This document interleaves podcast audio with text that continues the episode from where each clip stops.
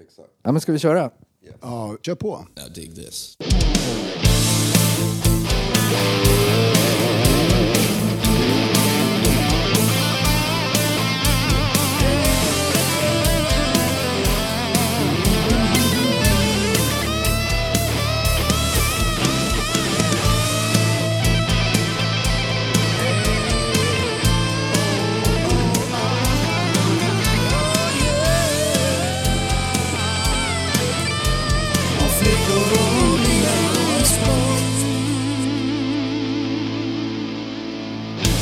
Hej och välkomna till avsnitt 12, stämmer det? Det stämmer bra. Av eh, podden om flickor, bilar och sport. Första avsnittet år 2021. Får hoppas Ja. att det här blir eh, mindre ruttet år än förra året. Sitter på Gullmarsplan hos Tony som vanligt. Hur är läget Tony? Ja, men det är bara bra. Det är Härligt. soft. Vi har eh, årets första gäst. Eh, fantastisk gitarrist och medmänniska Conny Blom. Välkommen! Tack. Vilken fin introduktion. Eller hur? Jag, Jag är dessutom gammal uh, Gullmarsplanbo också. Ja, bara en sån Ah. sak. Det är här det händer. Det här händer. Nice. Vänta. Hur har eh, året artat sig hittills för dig då Conny? Hittills har det väl börjat, det har inte gått så långt men vi har, vi har varit så upptagna med Just nu håller jag på och ritar och målar massa grejer till en eh, animerad video till Electric Boys första singel som släpps, fan var det nu? Åttonde tror jag nästa månad. Ja, Så- vad roligt. Så jag, det har varit liksom fullt upp som Ja. de säger. Blev plattan bra? Ja, jag är jättenöjd. Vi satt ju på, jag och Tony satt ju på Garlic and Shots och tog en bärs i somras. Och så var Jolle där. Mm. Och så gick han förbi vårt bord och sa Hej då grabbar, nu ska jag gå och spela in världens bästa platta. Och då svarar Tony blixtsnabbt Ska du spela in Rainbow Rising? Ja, det är svårt att göra den en gång till. Eller hur? Ja, lite. Men lite bra val där ändå av dig tycker jag. Ja, tack, tack. Ja, det är en favorit. Absolut. Hur många ex har du? Eller olika jag tror att det är 17. 13 eller 14 olika pressningar på vinyl. Och så har jag... Just för att just den plattan är en av dina favoriter. Ja, eller har du det av alla en- skivor? Nej, nej. det, hade, det hade varit lite smått autistiskt. Det är din to- tolfte skilsmässa. Exakt. Igång. Jag och Laney köpte den på A-track till Tonys Ja. födelsedagspresent här. Så har den på A-track, jag har den på originalkassett från Jugoslavien. Eh, och ett par CD-utgåvor också. Så att, ja. Såg du, jag vet inte hur gammal du är, men jag såg ju Rainbow strax efter där på Konserthuset. Alltså, eller strax efter, men det var ju med Dio och Cozy Power. ja, jag såg aldrig Rainbow med Dio. Nej. Eh, Utan det var ju först sen med Dio och jag såg jag har sett Rainbow med eh, Julen Turner flera gånger. Men nej, det hade varit en dröm att se. Ja, det var andra gig jag såg. Det första var Sweet på Konserthuset också. Min morsa tog med mig. Stort. Det var jävla gulligt. Hon var elva, eller jag, alltså, hon, jag var elva. Det var ju skitmäktigt. Och sen andra konserten var, var då alltså Rainbow innan, innan lång, Kill the Efter- King-turnén alltså, typ, eller? alltså, Kill the King var ju... Ja, de öppnade ju med Kill the King, men, men Long Live Rock'n'Roll hade inte Ja, kommit ut. Nej, jag har inte kommit ännu. Nej. Så det var innan den. Men körde de låtar från den då? Nej, bara den. Ja, Okej. Det, som jag kommer ihåg det, så Mm. det var ju typ med typ on stage-grejen liksom. Just det. Men de hade precis bytt medlemmarna. Var Tony basisten och Carey keyboard. kvar? Va? Var Tony Carey kvar då? Nej, Nej, han var bara, keyboard. Och... han var bara på, på Rising. det står on stage. Ja. Men det var mäktigt för det var sån jävla mystik runt Richie. Och just när man var, speciellt då liksom, när man är i den åldern. Det var ju bara helt magiskt att bara se honom, inte i en tidning, utan bara stå där med den här jävla regnbågen och högt utav helvete var det. Jag kommer ihåg att det tjöt. Det är första gången man fick erfara så här tinnitus. Det tjöt ju tre dagar kommer jag ihåg att det tjöt i öronen. Och då satt vi ändå uppe på balkongen och kollade. Har du börjat lira då? Eh, i- ja, i samma veva där någonstans. Ja. Jag fick också min första tinnitusskada, eller den enda som jag känt av, eh, på Rainbow. Men det var Straight Between the Eyes-turnén som kan ha varit 84 eller någonting. När jag stod längst fram med eh, vänsterörat mot högtalarna och eh, jag var fan du vet, döv i tre, fyra dagar på örat. Och det kommer tillbaka än idag. Tjuter till lite då och då så här liksom. Mm. Ha öronproppar där ute, kids. Precis. Lyssna på gubbarna. Ja. Min första konsert i livet var faktiskt också på Konserthuset. Jag var sju bast, 1973. Dolly Parton med farsan. Hoppas du satt långt fram. Pappa hade säkert styrt upp det. Pappa styrde upp så vi satt långt fram. Ja. 3D-brillor. ja. Men eh, du började lira i den vevan. Ja. Hur, hur kom det sig? Jag ville egentligen börja spela gitarr ganska, ganska tidigt men det fanns inga sådana där kurser. I, alla, alla börjar ju i skolan liksom. Efter den här jävla förbannade blockflöjten så kunde man ju välja något instrument. Och jag valde gitarr men de var fulla och så var det min, det var min mormor tror jag och så sa de du kan ju spela trumpet. Jag tänkte, ja det kan vi göra. och så började jag spela trumpet, helt värdelöst. Ja. Plus Ingen, att- ingen får inga brudar på trumpet liksom. Nej, ja, inte det går inte att sjunga med en sån där i mun Nej. heller. Liksom. Så, nej, men sen kom jag in på gitarr. Eh, och då var jag väl typ 11 eller någonting. Och sen igen då, då så var morsan smart nog att säga "Ja, du får lära dig spela akustiskt innan vi köper elgitarr. Det var ju jävligt bra. Man fick... Så jag gick och spelade så här Bach och allt möjligt. Klassisk musik liksom Okej. i något år eller två. Och sen fick jag liksom första elgitarren och det är ju helt självlärd.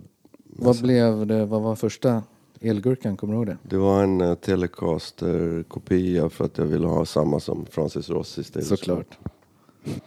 Mm, Jag har läst om dina gitarr, eh, dina första. Där, just att Francis Rossi status. Telecaster. Sen vad blev det en Les Paul för att eh, Ace Frehley hade det? Ja, för att eh, min morsas syrra hade en, eh, en granne som sålde en sån för 200 spänn. Så jag plötsligt från att ha tjatat liksom att jag blev en elgitarr så hade man var helt En plötsligt samling. kung och hade två, en samling. två stycken. Och sen blev det Stratan då? Hendrix och Blackmore. Ja, men det är i huvudsak, det var i huvudsak Blackmore som, alltså jag älskar ju hans, bara när jag hörde första gången så bara så här ska, så här ska en strata låta. Och sen har jag, när, man har, när jag blivit äldre sen, så har, har Hendrix liksom växt och just som låt, eh, vad ska man säga, ja men kompositör och textförfattare. Och, jag har alltid tyckt att han var jävligt häftig personlighet och inspirerat av looken och allt det där. Och liksom, ja, inspirerat av snubben. Men jag satt liksom inte och lyssnade på Jimi Hendrix Nej. då. Utan då var det i huvudsak Made in Japan. är Så, ja, det, det är så det ska låta. Typ. Ja, det är någonstans så, här, något grundljud man har i huvudet när man testar en förstärkare. Typ. Fortfarande.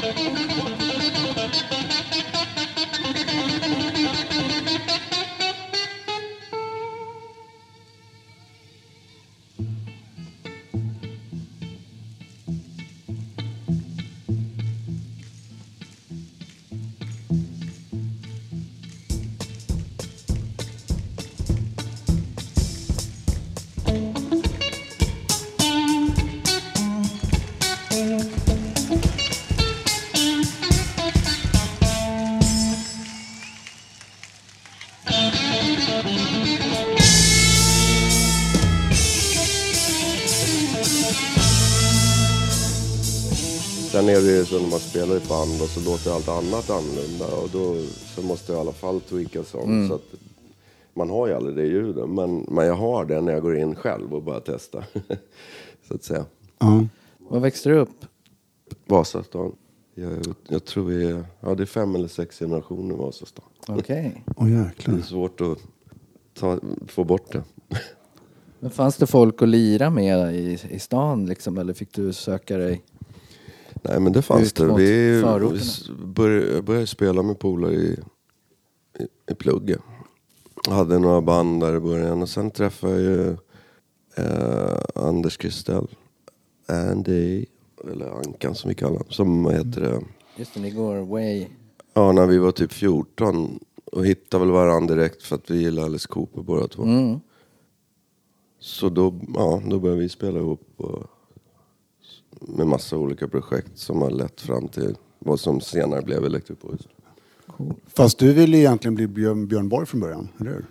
Ja, men det var lite samtidigt där. För jag lirade gitarr och, och tennis. Men eh, jag vet inte, jag blev aldrig riktigt bra. Jag, jag kunde lira liksom, men, men jag vann inte.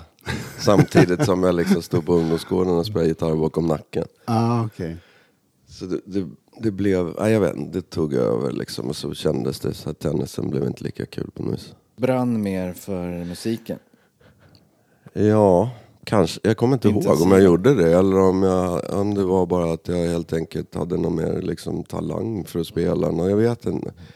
Men förmodligen spelade jag... Nej, så, jag spelade nog mer gitarr. Och, och höll på mer med musik. Och, det, så att, och då blir man ju bättre. Ju Ja, så, ännu ett råd till alla kids. Man, måste, man kommer ingen vart utan att öva. Exakt. nej. Road Rats, nej, eh, ja, Road Rats. Mm. Var det ditt första band? Nej, jag hade Nej. massa innan. Han- Men det första som, som spelade in någonting och som, som, man, som var någon sorts, eller Mm. liksom seriöst eller vad ska jag säga. Och det var ju med Jeep Casino. Eh, trummisen från Anna Rocks Ja, som var med första tre plattorna tror jag. Eller fyra, sista är han inte med på omslag men det är han som spelar. Vilket år är vi då? När det här var? Jag var tonåring fortfarande. Tror jag. Så det var ju tidigt 80-tal. Mm. Men det var före Hanoi Rocks? Nej, som, nej, alltså, eller jag vet inte om jag förstår frågan. Det här var alltså efter att trummisen hade fått sparken från Hanoi Rocks. Ja, okej. Jag förstår. Eh, och jag hade ju sett dem på studion och blev helt överkörd som alla andra som var på den spelningen. Ja. Och pratade om den i år fortfarande typ. Eh, och sen när han, när jag fick reda på att han inte var med längre efter att han hade nitat gitarristen live på scen på en festival. så tänkte jag, jag måste få tag på den här snubben. Ja. Han måste vara med i mitt band. Och vad heter det? Ja, men det är kul, för jag, hade ingen, jag visste ingen som kände han. Men jag visste ju att Hanoi hängde. De bodde ju i Stockholm och repade här och så vidare. Eh, från början. Och sen, eh, jag tänkte jag måste, hit, jag måste luska lite. Och så, men jag visste ingen. Så var, var det någon lördag typ som jag kommer gående. Jag tror faktiskt det var på Stureplan. Jag vet inte fan vad jag gjorde där. För jag är sällan där. Men jag knall, kom gående där och så, så hör jag någon som ropar Jeppe! Så, och så, jag tänker inte mer på det. Jag, det här, liksom, jag bara går där. Och, och det här fortsätter och så kommer det fram en tjej och liksom tar mig på axeln så här. Och, oh, för, oj, förlåt. Förlåt, jag trodde du var någon annan. Jag bara, men vänta, vem, vilk, vadå? Vilken Jeppe? Ja, Jeppe? Jag tror det var Jeppe Sporre, ni var så lika. Vadå, känner du honom? Ja. Vadå, har du hans nummer? Ja. Är det sant? ja, det är sant. Så jag fick det av henne. Vilken jävla slump. Helt sjukt. Ja. Av ödet liksom.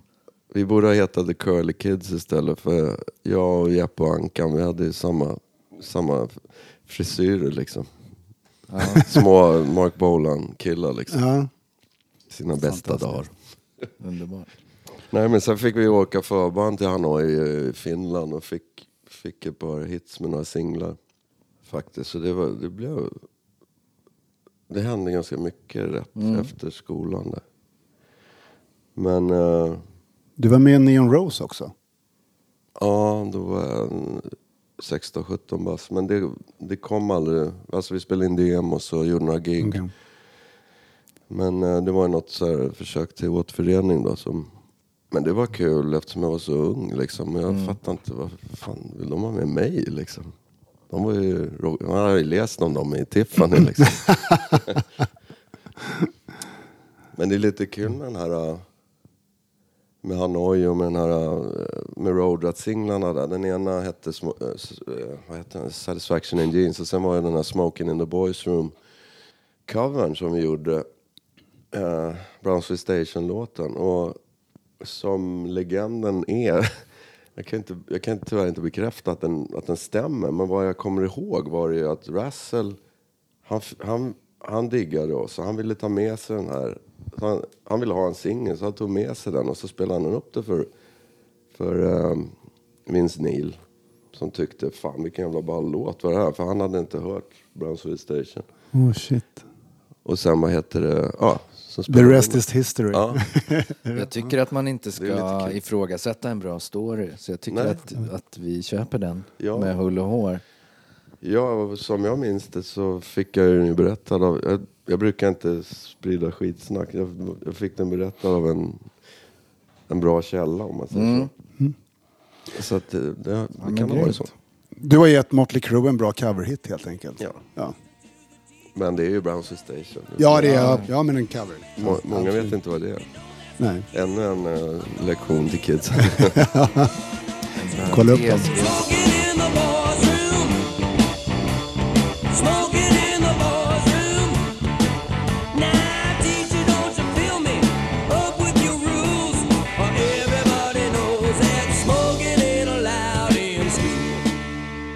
Ja, vad är vi sen då? Är vi framme vid Electric Boys då eller?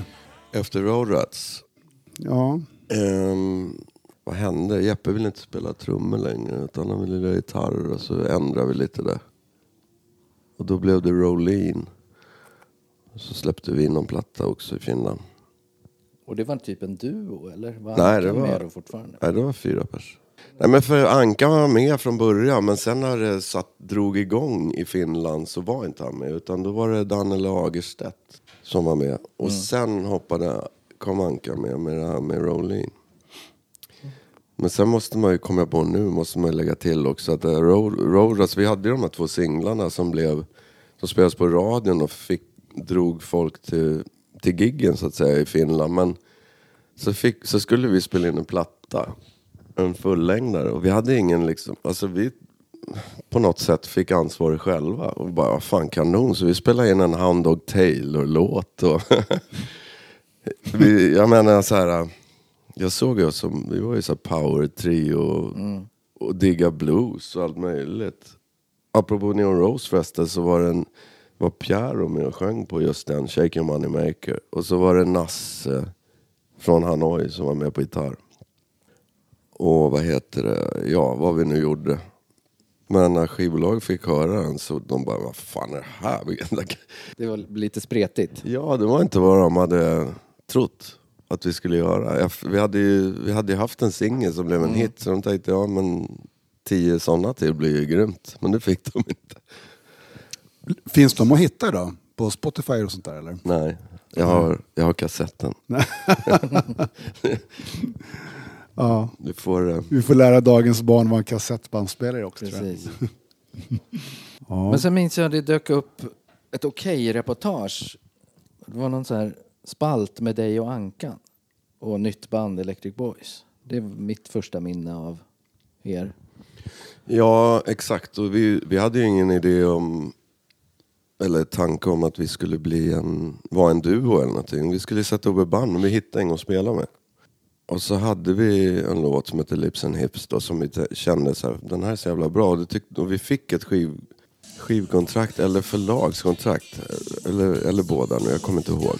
Men, och då tänkte vi så här, om vi spelar in en singel i alla fall och så får vi ut den. Och då kommer det vara lättare att hitta och att lira med säkert.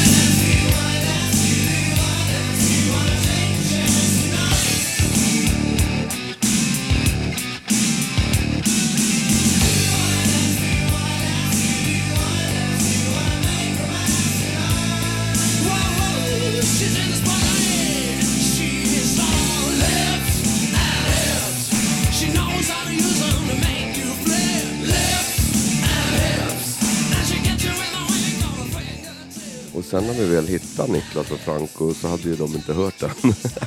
så det spelar ingen roll. Det, ja.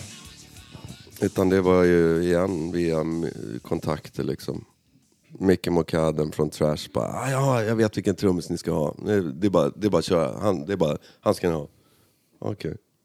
Ja, jag kommer ihåg när er första platta kom då, eh, Funk Metal Carpet Ride, att det, var, det, var ju, det kändes så jävla fräscht. Det var så svängigt och tungt och det var någonting väldigt nytt som man inte var beredd på. Det var jävligt coolt liksom. Det var verkligen Ja men det var, coolt det var. Det var annorlunda, det var det. Och det var ju hela, hela tanken. Och vi kände ju... Ja, men för det första att du hade alla gamla influenser, men ljudmässigt så det här gillar ju inte ens, det här gillar inte Niklas till exempel som var trummisen. Men jag var ju någon drivande krafter som har skrivit låtarna och så vidare. Och, så, så jag hade ju med mig massa så här plattor med Prince och någon Bootsy Collins-platta som jag kommer ihåg. Vilken jävla fest i baskaggen det här. Det bara gör ju ont i brösten när han liksom. Ja men så här plattor som var moderna och hade ett jävla fläsk liksom just då. Så man ville ju, man ville ju inte göra någon sån retro-grej som något som redan gjorts ändå. Jag vet inte om man hade de inspirationskällorna som, som vi hade. Men, så det blev väl, då blev det en mix av allt det där och sen och sen så, ja men vi sa vi måste ju, vi måste ju ifrån Sverige. Det finns inte en chans att den här musiken kommer funka i Sverige. För det, för det finns ingen sån musik. Nej. Eh, alla sjöng på svenska, det var pop och liksom så här. Och vi kände ju, om något så, så var man ju så relaterad till, eller kunde relatera till, ja typ Aerosmith. Och vi är som ett Aerosmith fast, fast vi är i Sverige liksom. Men sådana band finns ju inte. Men, nej men vem ska spela dem? På, vem ska spela ett sånt band på radion eller tv eller någonting? så nej. vi, vi visste, vi måste härifrån. Och det gjorde vi också, men, men sen släpptes ju plattan och så blev det ju bara fyra och femmor i varenda jävla tidning. Så jag, det måste jag vara, då var det ju bara så här timing att Ja. det, just därför så funkar det, för folk behövde något annat liksom. ja, men det var verkligen någonting helt nytt kände jag, kommer jag ihåg. Och... Men sen Sånt så... kan man inte planera. Det Nej, eller hur? Det, liksom gäller bara att vara helt, ha, ha flyt rätt i tiden. Ja. Liksom. Ja. Men sen när ni släppte USA-versionen av USA-plattan så var det Bob Rock som producerade va? och nu, fem låtar byttes ut. Ja. Vad, vad var anledningen till det? Det var helt enkelt att, eh, om jag talar för mig själv, vi är fyra i banden, men jag kommer ihåg att jag jämförde mig själv, och det kan jag fortfarande göra idag, så här, om man, om man tvi, tvivlar över något eller tvekar över något så kan man sätta sig in i någon sån här sits att du låtsas att du är med någon av dina hjältar. Så här, ja, skulle, jag, skulle jag fixa och spela upp den här låten för Jimi Hendrix? Eller om jag spelar upp den för honom, skulle han okeja mig? Liksom, Eh, och då, då, då var det jävligt mycket av de här grejerna. Jag vet, jag vet att han skulle ha diggat liksom The Change. Jag vet att jag hade kunnat spela Captain of My Soul för Hendrix eller vad heter det? Jimmy Page eller någonting. Och, och i min värld så, så tror jag att de hade kunnat tyckt, ja ah, fan, du, du på gång. Så det var, det var ditt eget initiativ egentligen? Att Nej, men de det, jag tror de andra eller? tyckte det också. Eller så kanske de blev övertalade med. Det, det är så långt tillbaka så jag kommer inte Men ihåg. alltså du, att det kändes för lökigt? Nej, men jag kan inte bara get nasty, det, det, det och bara... Nej, jag bara kände det här, de här texterna är kalanka. det här håller inte i Amerika. Vi må, eller liksom i, nu, nu är det på riktigt. Jag känner, min ribba är inte där, den är, den är någon annanstans. Och samtidigt, det är ju liksom, då är man ju artist och tänker, tänker liksom egoistiskt. Men eh, hade vi varit smarta så skulle vi kanske bara släppt den som den var. För alla gillar ju den här plattan. Och sen gjort nästa platta med Bob Rock till exempel. Men ja, det vet man inte. Men så, så det var så det var i alla fall. Du gjorde ju en, en eller ni gjorde ju en sån Q&A på Facebook om den här inspelningen. Du bad folk ställa frågor och då läste jag något svar där, där du skrev att du var för överbeskyddande av dina låtar absolut. för att få ut maximalt av samarbetet med Bob Rock. Att, att, för att att jag skulle få ut. Ja. Men, men slutresultatet fick vi ut maximalt. Därför att jag var, jag var smart nog att inse att jag måste lyssna på honom. Men det var svårt att lyssna på honom. Du fick Ibland. ta ett steg tillbaka. Ja, absolut. absolut. Och han sa till och med det någon gång senare. Ja, fan Akonna, ja han är grym. Han måste lära sig lyssna lite på folk ibland. Nej men det var så. Jag, jag tyckte att det var jobbigt att rodda de där grejerna. För jag tyckte att vi hade något som var jävligt bra på gång. På gång liksom. Stämmer att ni breakade i, i staterna för att strippklubbar började köra All Lips and Hips? Inte breaka där, men de gjorde ju det. De, det var ju många, de, de fick ju något smeknamn. The, the Strip Song liksom. Eller Ja, The. Strip Song eller vad man säger. Det var ofta när man kom till någon stad och skulle spela så här, att, folk, att någon kom och sa ni måste hänga med bort till klubben där nere. De kör alltid, de dansar till en låt och bla bla bla. Den handlar ju om att strippa och den har ett jävla bra groove liksom och var ju helt rätt i tiden så det var inte så konstigt att det blev så. Men det var inte det som breakade bandet. Det var ju, det var ju tror jag i huvudsak att det var att MTV körde den på Heavy Rotation. Ah, okej. Och sen, han- sen låg den ju på Billboard-listan. Och, så, men MTV var det nog. Det var ju, det var ju stora grejen då. Där du sa om att, eh, att du kände att det här kommer inte funka hemma i Svedala, liksom, den här musiken. Och, eh, er första turné, det var väl lite stökigt med lokala raggar och sånt i folkparksturnéer och ölflaskor som for och sånt där. Och skulle, eller? Jag kommer mest... Ja, den första turnén var ju Monsters of Rock hette den ju. Jag tänkte folkparksturnén. Ja men alltså först... Ja precis. Men första vi gjorde det var med Treat och 220 volt. Ja, ja, just det. Ja men det var väl en folkparksturné så att säga. Men ja visst är det så. Det, de, det sups ju och raggas brudar och has liksom. Men vi var, jag vet, nej men just då tänkte vi inte så mycket på det. Vi var ju bara in for the kill. men däremot kommer jag ihåg senare någon gång. Jag fick bara vi- kän, förlåt, men jag fick känslan att de kände liksom, de, de där grabbarna ska inte komma hit och tro att de är någonting liksom. Så, med det här, tänkte med det de här säkert. groovet. Ja. Nej men jag kommer ihåg senare någon gång att vi reagerade över det där att, att det var egentligen inte så kul att spela dem där. Därför att, det, därför att det var så mycket fylla och det var mer fokus på ragga och sådär. Och sen, ja, sen kom Lips and Hips typ och då bara pff, skalla fram till scenen och sådär. ja. Folkparksturné, men en man kan ändå sakna. Det är synd att de inte finns längre. Ja, verkligen. Man har sett en del coola saker i folkparker. Man fick en ny, eh, eller man fick en liten sån här flashback när man såg den här gris, griståget Just det. som har släppts nu. Ja. Då åkte man tillbaks till liksom hela det här folkparksgrejen liksom.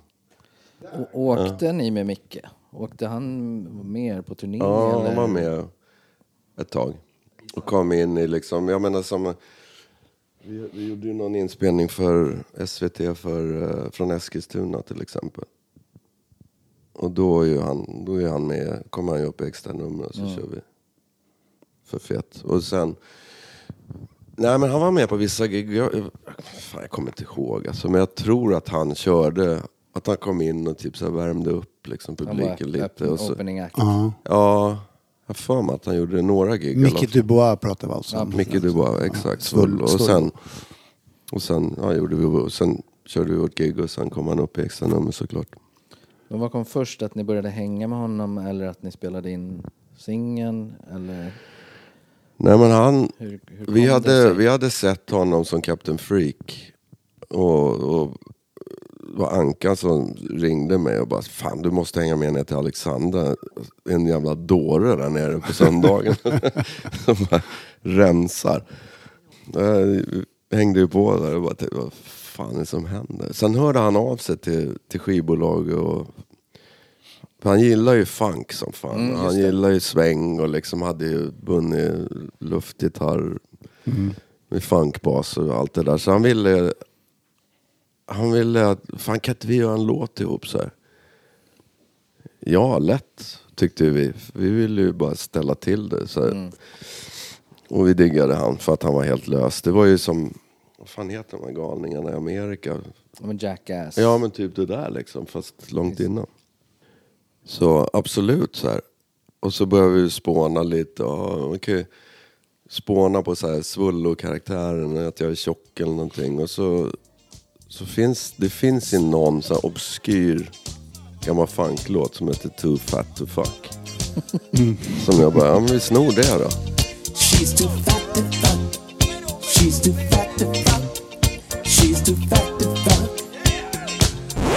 Och så satt vi på, och så, och så bara, ah, jag har ett riff. Det kan du få. Och jag tyckte det var så här struttigt. Det var liksom inte tillräckligt tufft för Electric Boys. Men ah, vad fan, det kan han få. Och sen satt vi på, på hardrocken en, timme typ, skrev upp en text. Han kunde inte rimma, han var ju komiker och liksom sådär. Men han hade en massa så här Ja, något, eh, jag blev känd som den apan eller han kunde slänga ur sig så här grejer så fick jag sätta mig och så här, så vi sätta ihop det så man skulle få det att, och rappa och svänga liksom. Jag blev känd som den närsjuka apan i plugget och jag kidnappade rektorn och sänkte han på muggen. Sen satte fröken i svarven och svarva en örn. Jag knutar på min fritid och dansar balett och ansar mina blommor mellan tolv och ett. Mitt liv är styrt av en elak klausul. Skit i allt, lev fotot är fult!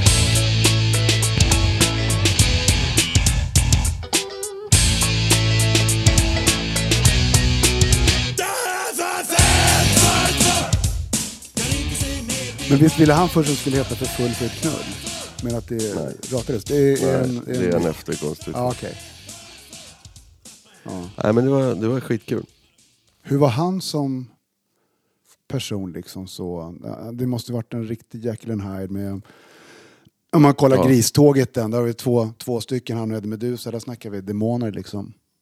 Ja, det, Ja, jag tycker den kändes lite skitig på något vis. Eh, Det är inte den micken jag kände om man säger så. nej. Utan jag tyckte han var, han var skit nice. Vi älskar snubben, hela bandet. Och jag menar, jag kommer ihåg, vi var ju flera gånger. Man kunde sit- sitta så här i Vasaparken och fika och prata tjejproblem och liksom, ja men så här, helt vanlig, eller vanlig men, ja men alltså lugn och fin och snäll. Ja, ja. Han kändes som en snäll människa. Jag tror att det blev lite så jobbigt för honom att, att bli... Sen när man är ute så här och folk, folk liksom kommer fram och tar, förväntar sig att, att han ska vara ett svin. Det, kan inte vara så kul att le, leva med det. Är typ som så här Groucho Marx också. Ännu en historielektion för kidsen. Ja. Nej men som, som gjorde sin karriär på att förolämpa folk. Så folk, folk gick ju fram till honom och morsade på honom och hoppades att de skulle bli förolämpade. Liksom. Helt sjukt. Ja, han var cool. Men det, alltså för Fet för ett fuck, det, alltså den var ju etta på trackslistan och nio veckor på Svensktoppen. Det är så här helt galet om man tänker egentligen, den, en sån låt. Att det, den är ju så, det går inte att bli mer kultförklarad liksom. Nej, och vi, hade, vi gjorde den ju så snabbt. Och så spelade vi in den och så drog vi vidare till USA och liksom Billboardlistan och turnera och grejer. Och sen så började det så här rassla in fax, som det var på den tiden. Att den låg etta både på trackslistan och Svensktoppen. Men Kent Finell, eller vad hette han? Han ville tydligen inte säga hela titeln i radio. Underbart. Det blev lite censurerat där. Sen var det också kul, för, för jänkarna är ju så här dubbelmoral hela tiden. Och de, jag menar, de svär ju och säger fuck hela tiden. Och, men du får ju absolut inte säga det på radio eller tv. Nej. Så när, vi, när det här började hända och vi satt i intervjuer och liksom så här, ja, vi har precis en number one i Sverige, i Sverige liksom som, som heter Too Fat To Fuck, fast på svenska.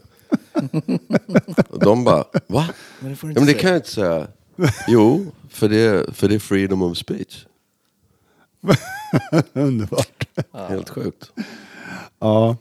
Nej men sen med, med Electric Boys, efter första, eh, andra plattan spelade ni in i Abbey Road-studion, eller hur? Ja, det måste ju vara Och tredje också. Så. Ja just det, tredje också ja. dream come true, eller? Ja, jo, absolut. Och det var inte så konstigt. Jag tror vår manager bara sa så här, ja, vad vill ni spela i nästa platta? I Abbey Road. så här. Ja, så bara hör de av sig. Ja, okej. Fantastiskt. Det var inte så här ouppnåeligt liksom. Det är en studio. De, Folk spelar in där. Visst.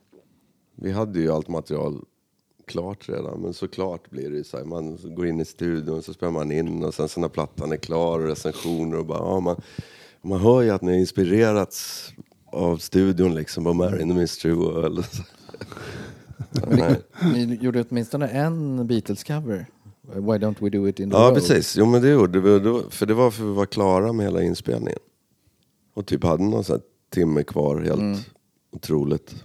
Men eh, så vi sa, rulla bandet då. Och så jammade vi bara och spelade in massa olika grejer. Men det är, den den är den enda som har sett dagens ljus från de jammen, eller? Nej, vi släppte eh, The Abbey Road Jams på kassett. Så det var... Har den på A-track. Why don't we do it in the road?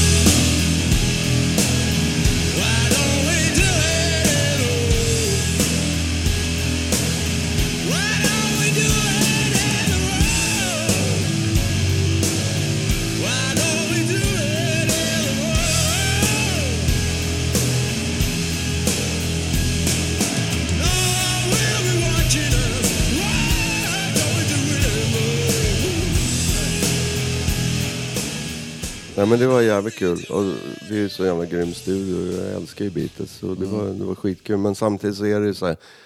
Man kommer dit och så, ja jag antar att ni vill se lite jag antar att ni vill se dem eller någon, du vet, någon säger så här. Så går man runt så, ja det här är den bandan och spelar in Sgt. Pepper på och det här är det. Man, går man omkring där och dreglar lite i 20 minuter och sen, sen, är, det, sen är man ju inne i sin egen bubbla igen liksom. Ja.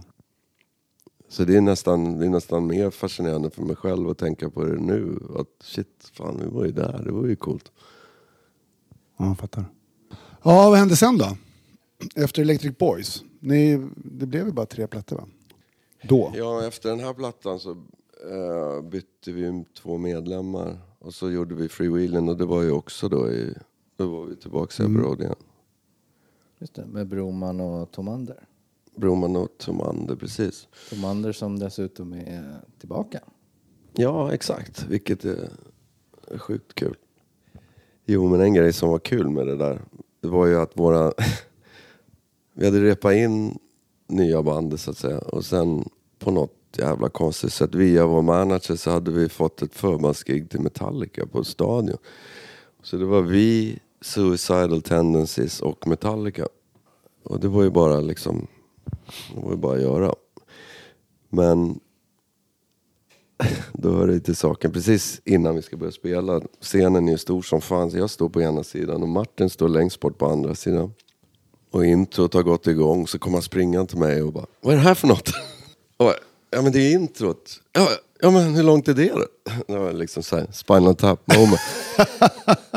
Jag hade helt glömt att säga det. Och vad heter det? Nej men jag bara, ja men spring bara tillbaks. Jag gör, jag gör Ni tecken. hade Och inte så- repat med introt. Nej, vad fan. Vi spelar ju rock'n'roll, vi tänker inte på sånt. Så bara, bort, bort bara. Jag vinkar. Så här, jag gör tecken så går det in. Och då går han bort sin gitarrrådare som så här, har precis stämt upp hans gitarr. Hänger på honom den. Och vad heter det? Och, och Martins tjej säger något så här, fan det här är helt sjukt. Det här, det här är liksom, det är mitt första gig. Ja, det är mitt första gig som gitarrtech också. Så- hur, många tar, hur många tar de in på stadion? Så det var en sån liten mysuppvärmning för närmaste polarna. Alltså den eh, gitarrteckningen skulle jag ha hållit klaffen.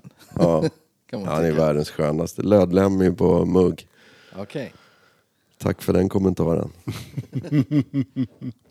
Martin har fortfarande psykiska men. Efter Electric Boys tre plattor så, så splittrades bandet. Eh, hur, varför? Det, jag, tror, jag tror att det var mest eh, mitt eh, fel, eller vad ska jag säga. Nej, men det kändes som att vi inte...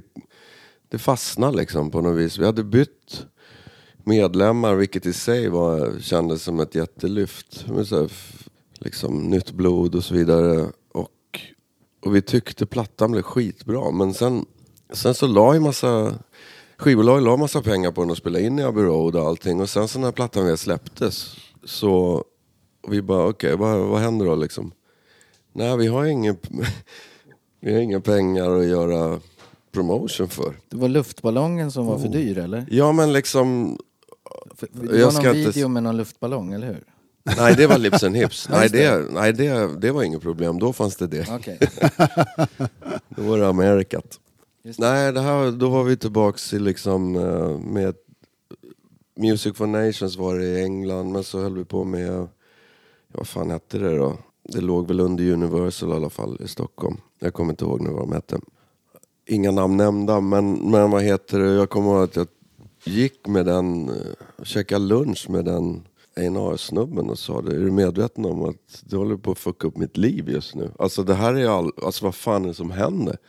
Nej men jag, jag, kan inte gå till, jag kan inte gå till min boss nu och be om mer stålar. Jag bara, fan det här är helt sinnessjukt. Lägger ni ner hur många hundratusen det nu kostade och vad jag Abbey Road och sen inte räkna in i budgeten att man ska liksom göra promotion för det. Vad fan är helt sjukt. Så ja, nej, men då var det liksom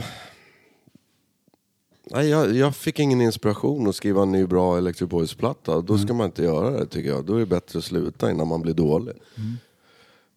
Det är alltid därifrån det kommer från början. Man måste känna att man har något att leverera som man är stolt över. Verkligen. Så så var det. Såg jag på Grönan där då med Talisman som förband. Tror jag. Ja men det var, det var tidigare. Det var med Franco och Niklas. Var det också. Ja det måste vara. Ja. vi, jo det var det. Vi spelade inte med... Ja det var det. Ja. Ja, vi gjorde inte så många gig känns det som med, med den andra upplagan. Utan det var ja, Metallica, det var ju... Det var det typ och sen några till. Okej. Ja. Fast det är okej att bara ha giggat med Metallica. Ja. ja, de gillade oss också. Det var kul. Det var väl som jag förstått var också en av anledningarna att Lars var ju fan, han ville, de ville ju börja jobba med Bob Rock på grund av massa grejer han hade gjort. Men de hade ju hört vår platta, eller han hade i alla fall gjort. Okej. Så när vi var ute och krökade med dem på Café Opera så tänkte jag jag måste goofa med den där jäveln. Och jag visste att han spelade tennis.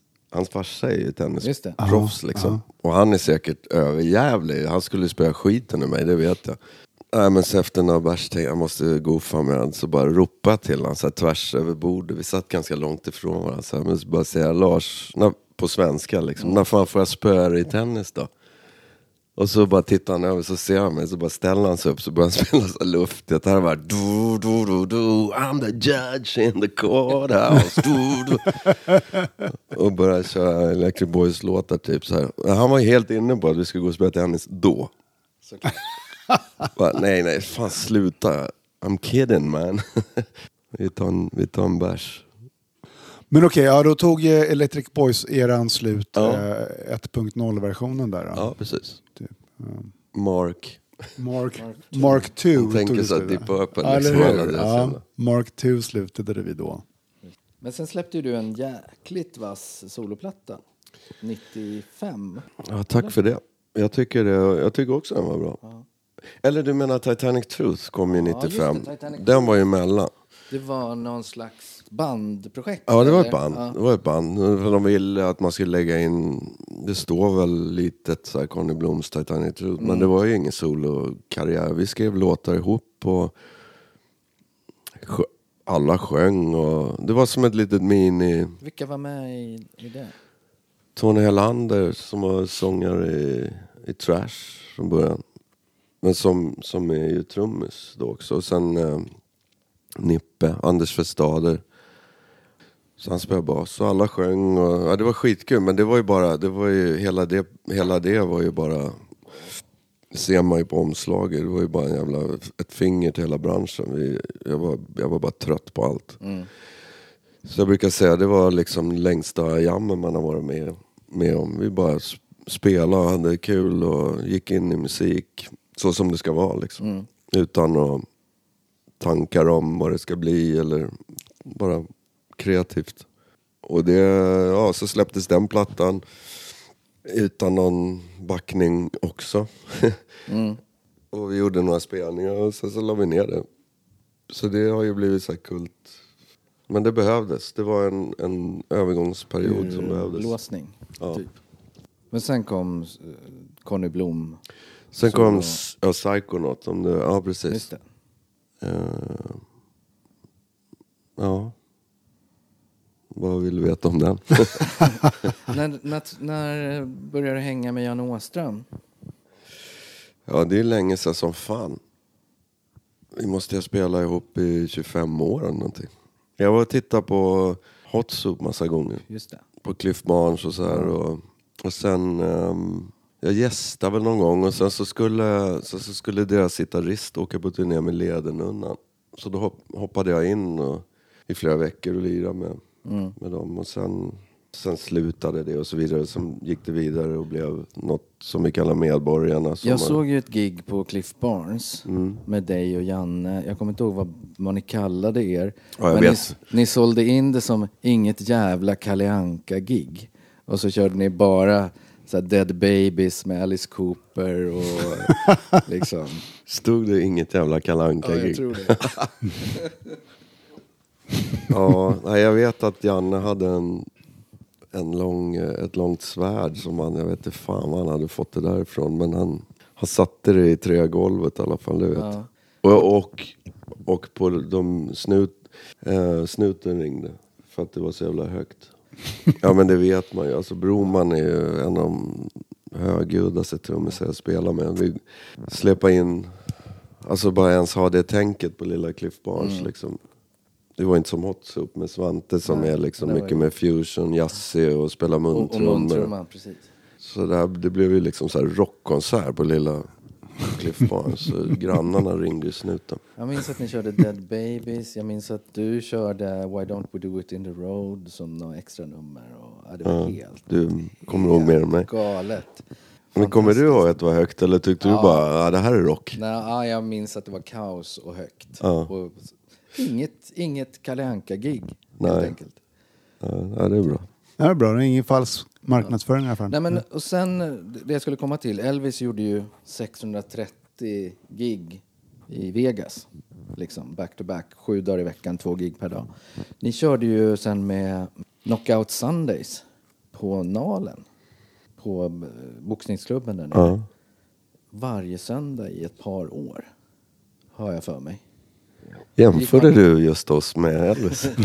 Nej, ja, lite faktiskt. Vem vann? Jan Åström, ta, ta, Just att ha ett återkommande gig hela tiden. Och Ja. Man kunde gå dit varje söndag. Och man visste aldrig vad man kunde vänta sig. Nej, det var Det skitkul var faktiskt. gästartister. Och det var då jag liksom förstod vidden och bredden av din jävla musikalitet. Ja, ditt tack. jävla gitarrspel. Tack. Allt liksom. Någon gång hade ni någon banjosnubbe som var hur vass som helst. Då körde ni dueling banjos. Och, Ja. och duellerade.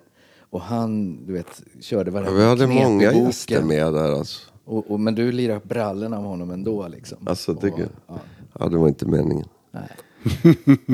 det är ju inte det. Men, eh, nej men det där var ett skitkul koncept. Bakis på stacken. Ja men det var alltid kul att ha det. Vis- Man visste, man kunde alltid se fram emot att på söndag ska vi ner och lira igen. Man alltid hade liksom gig på gång. Och söndagarna är ju verkligen en så här, ja nu hände ingenting så det var ju grymt. Och så hade vi alla, ja vad hade vi för gäster? De kommer ihåg på rak arm. Det var ju till exempel, eh, Nad Sylvan. ja men han var med ofta. Leif Sundin var, vet jag. Leif Sundin var med. Piero och Benno Mengarelli. Benno som inte finns längre tyvärr från Neon Rose. Rest in peace. Bob May. Ja, absolut. Reverend Bob. Reverend Bob var med och sen var det ju, som är med också på Solo-grejen. Ah, Hey Luke, bend over and reach for the sky. Det är han. okej. Eh, vad heter det? Sen Regina Lund, Torsten Flink, eh, Jukka Tollonen var med någon gång tror jag också. okej. Ja, det var alla möjliga Ja. som Ja, var och så gått där. Det var kul. Det var grymt. Men vi spelar ju fortfarande, men vi, vi har lite tankar om att sätta ihop någon sån där återkommande grej. Vi samlas flera tusen på och sen så har vi sexparty i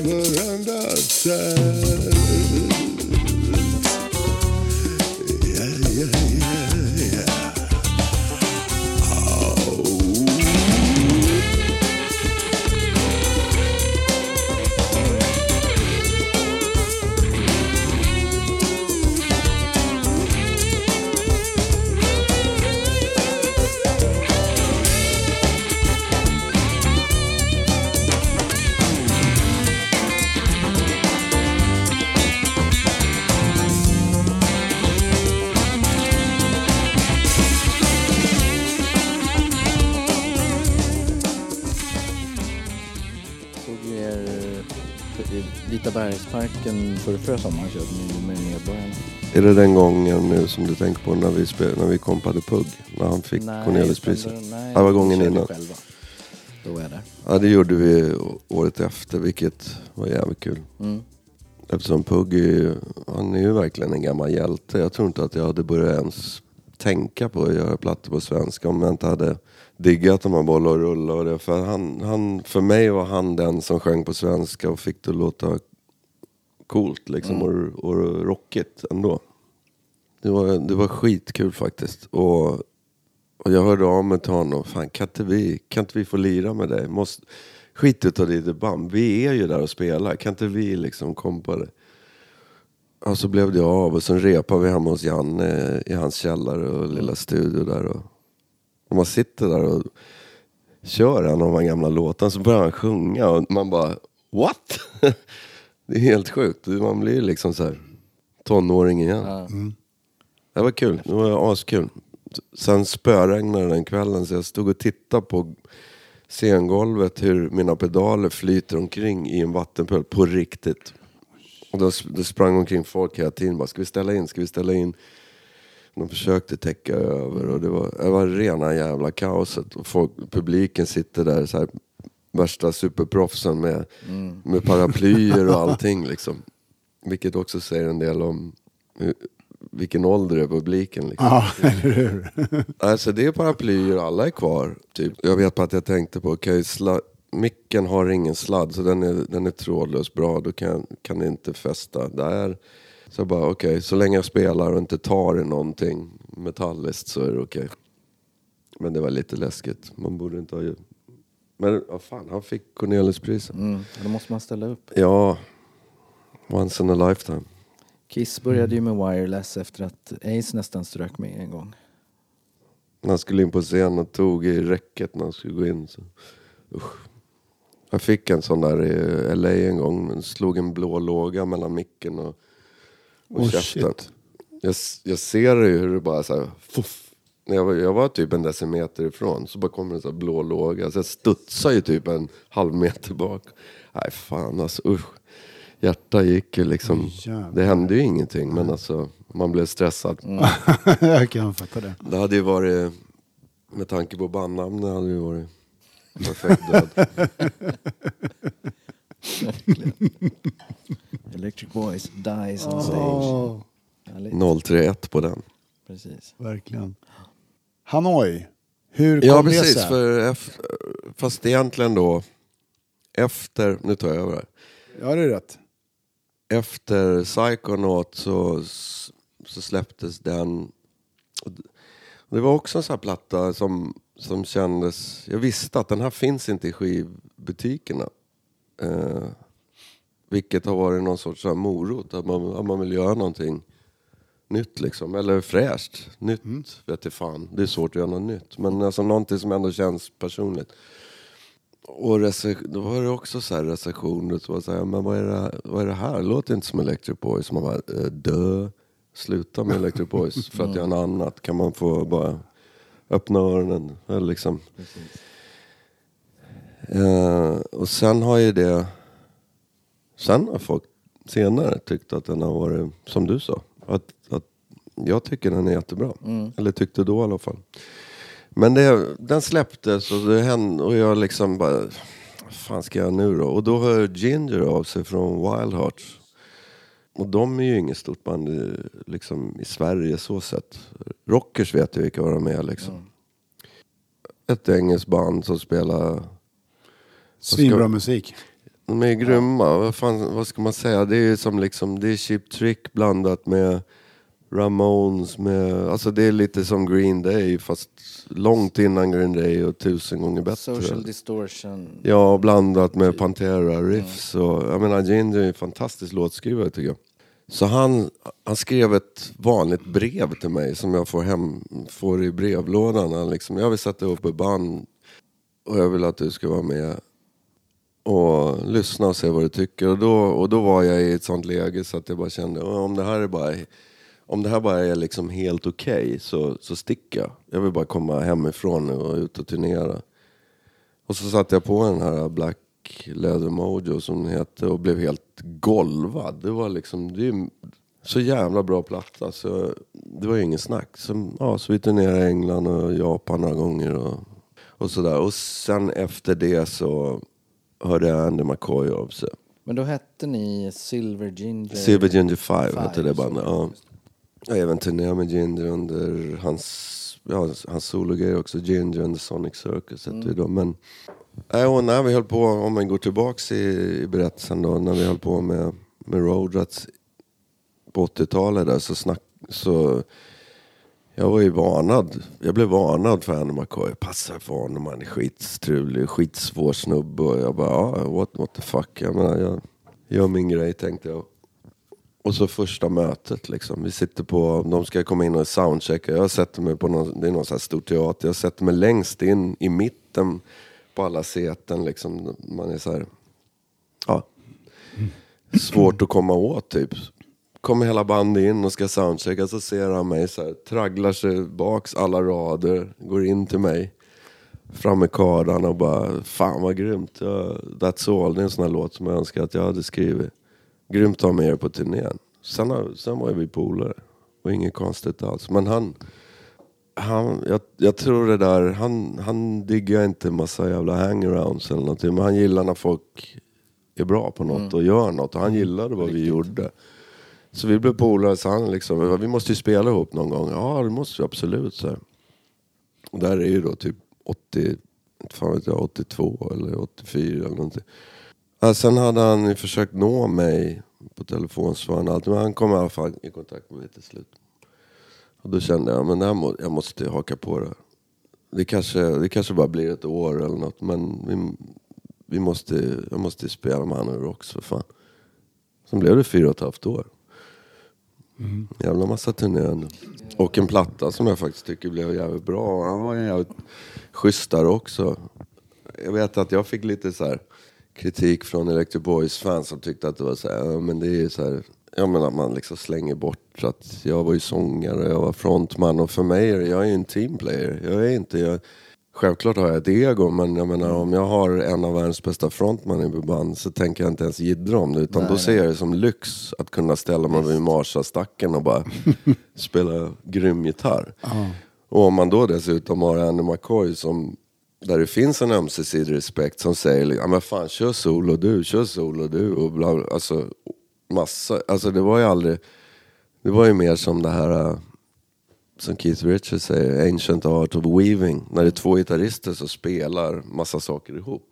Det är inte att någon kompar någon solar utan man spelar gitarr liksom. Och sen är det lika viktigt att, att kliva tillbaka när den andra ska höras. Ja, ja precis. Men det är liksom, det är så en laguppställning funkar. Det kan vara, det kan vara AC/DC och då är det inte så. Då är det komp och så är det solo. Men, eller så kan det vara Stones. Eller Hanoi typ som är uppbyggda mer så. Eller som Electric Boys är idag. När Martin och jag spelar så är vi också sådana här som vill lyssna på varandra. Och det, och det är liksom, det kompas och det liras licks. Och det, ja, det, det går liksom ihop bara. Nej, men jag kommer ihåg, jag såg er på, vad fan heter stället i Berzelii park? Eh, Berns. Berns! Jag såg er på Berns, Hanoi. Ja, för mig. okej. Ja. Grymt gig. Det, var, det kunde ju vara ojämnt. Men, eh, men jag tyckte att det var en jävla leverans när det väl gällde. Liksom. Vår finska ljudtekniker brukade säga det. Jag fattar inte hur det här går ihop. Liksom. Man ser det på dagarna och folk försvinner och man vet inte så här, kom, kommer det bli något gig ens idag? Det är så drama och kaos och, liksom, och sen så bara spot on 20.00. Han vet bara, okej nu sätter jag på introt liksom. Och hoppas på det bästa. Och så är det bara en rock'n'roll-maskin som bara... Det var ju ofta så faktiskt. Nej men det var kul med den där plattan och vad heter det... Igen då att Andy sa, vad har du för låtar? Ja, jag har en massa låtar. Det. Så, ja men fan jag vill höra dem. Och så spelade jag upp massa grejer. Fem, fem, jag tror det var fem av låtarna som kom från riff och grundidéer som jag hade som vi byggde vidare på ihop liksom. Det är generöst. Ja, men alltså det är, det är kul att få det sagt också. När många säger, ja, men var det, liksom, vad var det där? Ja, som om man skulle ha varit någon sån här kompion. Det var verkligen inte det. Det var, när vi gjorde den Street Poetry, det kändes verkligen som ett band. Vi arrangerade, vi skrev ihop och... Ja, det var, var- jävligt. Var det jävligt sånt som du liksom hade i ditt system som skulle ut? Alltså, om man jämför Electric Boys med Hanoi Rocks, så eh, det som är lika är ju att det är jävligt svängigt eh, och väldigt glatt, men samtidigt så är det ju en ganska stor skillnad också. Ja, Du har jag ju tycker inte det är här jättestor skillnad. groovet eh, som Electric Boys har, utan det, det, är någon, det är någonting helt annat. Verkligen, och det är inte så här 70-tals... Eh, det finns inte ett ben i Mountain och sådana grejer Mm. heller som det finns i Electric Boys. Utan Hanoi kommer ju med från Clash och Precis. ja, var det nu kommer ifrån. Allt möjligt. Nej, men jag hade, jag tror att flera av de idéerna som jag presenterade för Andy var sånt som jag har kommit upp med som jag kände inte passar för Ja. som jag inte hade gjort något av för att det passar inte för Ja, men precis. Boys. Ja. Men sen är jag plötsligt så, nu passar det faktiskt för det här är, det här är ett band som skulle kunna spela den, de grejerna. Och en, det var faktiskt jävligt kul för en, en låt Boom, boom, boom. Jag kommer inte ihåg vad den, he- vad den, är, vad det slutade med, att den hette Persuasion någonting tror jag. Och det, hade, det var en sån här gammal riff som jag hade, men när jag kom på det så kom jag ihåg att jag tänkte, det här kan jag inte göra något av, för det låter för mycket Hanoi Rocks. Den lät liksom som, vad fan het, ja men det är någon låt som de har som är lite samma, så att jag, den blev liggande liksom. Perfekt. Så när han bara, vad har du för idéer? Och jag bara gick igenom massa grejer, så bara, ja så har jag, fast det kan jag inte, eller vänta nu, nu, nu kan jag ju det. Fantastiskt. det är Power of Persuasion eller något. Ja, just det. Ja. Så den, den kom ju med också.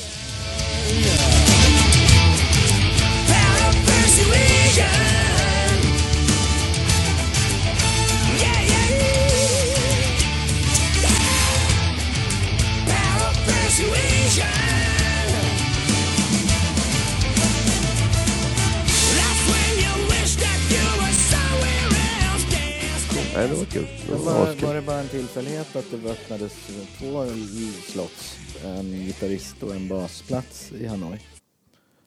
Att både du och Ankan började samtidigt? Jag var inte inblandad faktiskt i det här med Ankan utan, utan det var... Jag, jag åkte över först och bodde hos Andy några dagar och vi liksom höll på och fixa där och sen eh, så sa jag, ah, fan jag, jag skulle vilja ha med Ankan igen för, för han hade ju varit med över och spelat på någon sologrej. Ah, okej. Så alla tror ju att Jag är oskiljbara. Jag, Ja men det är så här, ja, men det, det jag var är med. Andy bara, nej jag måste, vi måste ha med honom jag är med om också." han är med. Ja. Nej, vi måste ha med honom. Och jag bara, Ja, men då åh tar du- shit. tar du Kommer död aldrig för det. ifrån. Nej, det var kul. Vi hade jävligt kul. Det var skönt att ha, ha bra sällskap och alla Silja Line. det blev ju några stycken. Ja. Och sen blev det Electric Boys igen, 2009. Ja, precis. När vi det ryckte för mycket nu, i funktarmen. inte egentligen i, nej faktiskt inte i funktarmen, men om, om man går tillbaka till USA med skillnaden med banden så, så har jag alltid sett Han och Rox mer som ett rock'n'roll-band. Ja. Att det är mer liksom rakt. Att det är mer do-do-gago-do-do-gago-do. Ja, men det är mer rock'n'roll och, och Electric Boys mer... Alltså mer så här. Ja. Ja, och en fot i så här mountain och sådana där grejer. Och, och då kändes det väl... Jag tyckte... Dels så tyckte jag att det kändes, vore kul att, att lira mer det 70-tals... Alltså det, mer det stuket igen. Och, och sen hade jag ju inte sjungit på så länge så då kände jag, ja, fan det skulle vara kul att gå tillbaks och vara frontman igen. Också. Och så snackade jag med Anka, vad, vad fan känner du liksom? Nej men jag känner ju samma. Så då bara kände jag, ja men vad gör vi då? då? Nu är det lika bra att kolla med dem som gör det bäst. Stämmer det att ert återföreningsgig var som förband till Alice Cooper? Nej. Nej. Det hade varit för bra för att vara sant. Återföreningsgiget var Sweden Rock som jag Ja, kommer ihåg det var. Det var väl egentligen inte på stora festivalen utan det var ju på deras... Eh, officiellt var det det, men, men de hade ju någon sån här pre-party-gig på. Debaser strand va? Debaser Slussen. Det blir Slussen, Jaha, där- det var, där var vi. ja. ja, men det var vi ju. Ja, var ju där. exakt. Och Skövdes och Rydmans band var i förband. Vad heter de? Backdraft. Backdraft, just det. Exakt, så var det. Just det. Det här kommer jag klippa bort, men jag har aldrig varit så packad. Som, Jag tycker du ska ha kvar som det. efter det gigget. Jag kunde, kunde inte knappt hitta hem. Är det för att du var glad eller för Ja, att det var, jag måste supa så jag, Nej, jag tror att Kommer jag var ur den här ångesten. Och att det, var, att det var för att det var så bra. Jag, det, ett, underbart minne när vi ändå är inne på det från Debaser-slussen är ju när jag såg Michael Monroe. När han hade gipsat ben. Han hade brutit någonting. Så han hade he, hela benet var helt gipsat. Och han hoppar ändå upp och liksom går så här armgång i taket ovanför publiken. Och du vet, då vet man att det, det är ju det är inte mer än tre meter högt där så att han hänger ju ner med, med, med sitt gipsade ben och sjunger samtidigt. Alltså den killen har ju eh, energi kan man ju säga. nej men Mike är helt fantastisk. Alltså jag har ju stått på gig och, och inte fattat var han är någonstans. Alltså på riktigt. Man har liksom stängt ögonen med en jävla gitarrsol och man går fram och så får man feeling och bara lirar och sen så backar man tillbaks och liksom så här. Man hör sången och man liksom, vad fan, vad fan är han någonstans? Ja. Och så Ja, jag- man leta runt och så bara, jaha, okej han är längst där borta eller... Och när vi spelar, vad fan var det för gig utanför, eh, vad heter den festivalen som är lite ut...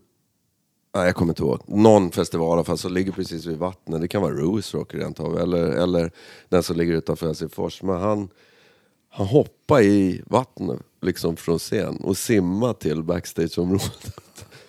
Han bara uppmanar folk på finska typ. Häng på nu fan, ta ett bad där. Hoppa i.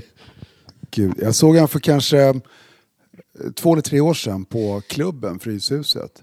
När han mitt under en låt och bara klättrar upp på balkongen, alltså övervåningen på, där på klubben. Liksom.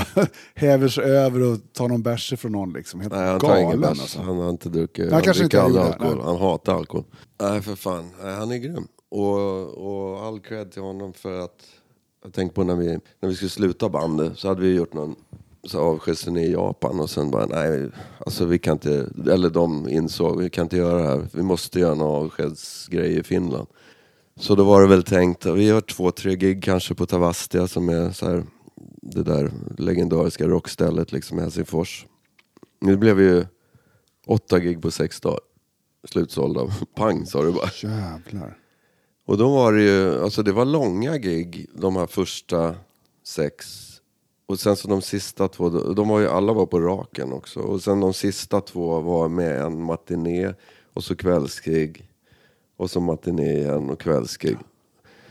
Och vi pratar alltså typ två timmars gig eller något sånt, jag vet fan. Jag kommer ihåg det. Jag, hade en arb- ar- jag och en, en eh, tidigare arbetskollega var på väg att åka över.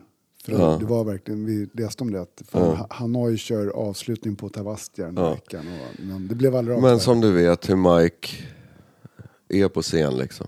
Och, och så sjunga samtidigt. Och om man testar den, det är bara, du vet om du är ute och går snabbt och pratar i telefon samtidigt så blir man andfådd. Och sjunga högt och hålla på med det där och samtidigt hoppa omkring som han gör. Det krävs ju liksom en elitgymnast. Eh, Ja. Ja, det i alla fall, jag tänkte hur ska det här gå sångmässigt liksom, alla de här giggen och han, eh, ja vad ska man säga, åtta gig på sex dagar och rösten var ju, den funkar ju in i det sista. Och då sa de, precis sista giget, det som jag tror faktiskt är ute på någon DVD också, så sa de innan giget, äh vad fan, fuck it, vi kör alla låtarna. Så det höll ju på i, vad kan det vara, två och en halv timme eller någonting. Nej men det är mäktigt. Det är på riktigt. Ja, ja, det är på riktigt. Det är liksom inte bara en jävla posande utan det är fan på Ja, riktigt. men han är rockstjärna på All in. riktigt. Han är all in. Med anledning av att AC/DC återförenades nu och släppte en ny platta så dök det upp ett klipp från 2011 när Brian Johnson är hos Howard Stern. Då pratar han om eh, radioreklam. Han berättar också att, att han var i 30-årsåldern och hade hållit på med Georgie och skulle, bodde fortfarande hemma hos sina föräldrar i eh, Newcastle. Och eh, han var några veckor ifrån att lägga ner musiken och starta en bilverkstad. Så då ringer det någon tysk dam och säger att det, det är ett, eh, ett band som vill att du ska komma till London och göra en audition med dem. Han bara, "Nej, men fan, jag, jag, håller på, jag ska ju lägga av. Vad är det för band? Nej, jag kan inte säga det. Jag kan inte säga det. En tysk dam. Ja, men ja, de hade någon tysk liksom, som skötte det där. Till sist så säger han, men du, du måste säga någonting. Ja, jag säger initialerna. Initialerna är AC och DC. Så, "Jaha, Du börjar vara AC och du slutar vara DC. Sen kan jag inte säga "Jaha, mer. så det är ACDC. Och hon bara, nu, nu har jag sagt för mycket. eh, men de vill i varje fall att han ska komma dit. Dels så hade hans band Geordie turnerat med Bon Scotts tidigare band. Så, så Bon visste vem han var. Och sen hade Mutt Lang hört av sig till ACDC-killarna och sagt den här killen, det är den här killen ni ska ha. Och han sa Hade överväger... Mutt Lang koll på honom? Ja, precis. Av- någon konstig anledning. Samtidigt ringer en polare till honom som sy- sysslar med radioreklam och säger kan du voicea en grej åt mig? Sjunga in en grej. Det är en dammsugarreklam. Absolut. Vad, vad får jag? Ja, men det är 300 spänn liksom. Ja, taget. Så då styr han upp så att samma Att han ska dag... kunna åka till London. Ja, nej men samma dag så är det Studiorna ligger mitt emot varandra på samma gata. Så då drar han först till sin polare, spelar in den här Hoover-reklamen. Och sen när han är klar med det så går han ut på gatan och sen hinner han tänka så här. Undrar om jag ska sätta mig i bilen nu. Fem... Var, var var det här någonstans? Det här var i London. Det var i London, ja. Så det är fem timmar bilfärd till Newcastle. Och så, så hinner jag hem liksom innan det blir för sent. Eller ska jag gå över till där de sitter? Mm. Så då valde han att gå över gatan och, och träffa bröderna Young och the rest is history. Så det var jävligt nära. Tack Ja. vare en Hoover-reklam. Jag tycker det låter lite som en efterkonstruktion också. För som jag har fattat så var han ju bara så här, shit jag åker till London, jag ska fan testa mig i CDC. Att han, han visste att det var klart liksom. Ja, men, Men man men det vet här ju är han själv som berättar. Han Ja. hävdar att han Okej, var ja. så nära Ja, så. att Då så. skita i det liksom. Så att samma dag som han får gigget i ACDC så spelar han in en Hoover-reklam som gick liksom. Det är inte många som vet. Ja, nu är det det i och med att det är. Ja, nej, men det är, det är många artister som gör reklam. Alltså det vanligaste är väl typ Pepsi. Det har väl typ varenda amerikansk musiker gjort reklam för. Det är inte ens gott. Nej, det är inte ens gott. Det är därför jag gillar Coca-Cola, för det gjorde Tom Jones reklam för. Och Tom Jones är ju hårdare liksom. Ta- än- Alltså Coca-Cola och Tom Jones, det är ju top notch. Eller hur? Visst är det så? jag- så här, Absolut. nej, jag vill, jag vill inte ens ha om de säger så här, har, om jag frågar har du Coca-Cola när vi har Pepsi? Nej, då tar jag inte. Jag tycker inte det är gott. Nej. Jag blir alltid så här störd när jag frågar så här, jag vill ta en cola, Ja, vi har Pepsi. Ja, jag sa inte Coca-Cola. Det är Pepsi, det är cola som cola. Så här, vad fan, vad är problemet? Men det fanns ju en tid innan Youtube och sådär när, när artister faktiskt kunde göra reklam. eh, i, om de visste att ja, men den här kommer att visas i ett annat land och den här kommer jag aldrig liksom, den här kommer jag aldrig komma upp till ytan. Men nu är det ju det omöjligt. Och har ni sett Paul Stanleys reklam för Folgers Coffee? Nej. Måste visa er den. Och när är den här gjord då, typ? Är det alltså typ innan Kiss eller? Nej, nej.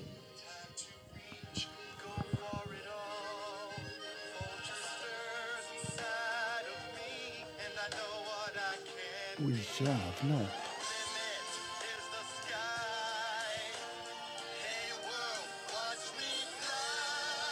Men när är det här då?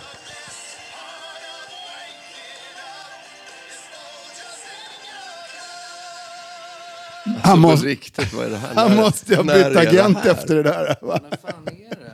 Så frågan är, har du gjort reklam någon Så gång? Conny, har du gjort någon reklam? Ja, det har jag faktiskt. Och Den det är var inte lika lökig som Folgers av, med Paul Stanley eller? År 2000 var det här. Det där, okej. Ja, intressant. Nej, men det var Jonas Åkerlund som, eh, som eh, jag kände sen tidigare som ringde, ringde och så sa han, eh, fan, vi lyckas ju aldrig eh, liksom hitta tid att gå och ta en bärs. Vi måste jobba ihop om vi ska kunna göra det. Så skulle du kunna tänka dig att vara med på en, en uh, whiskyreklam? Så, Okej, vad är det för whisky då? Ja, Jameson. Eller Jameson som de var jävligt noga med att tala om för mig senare att det hette. Ja, okej. Jag ringer tillbaka om fem minuter. jag.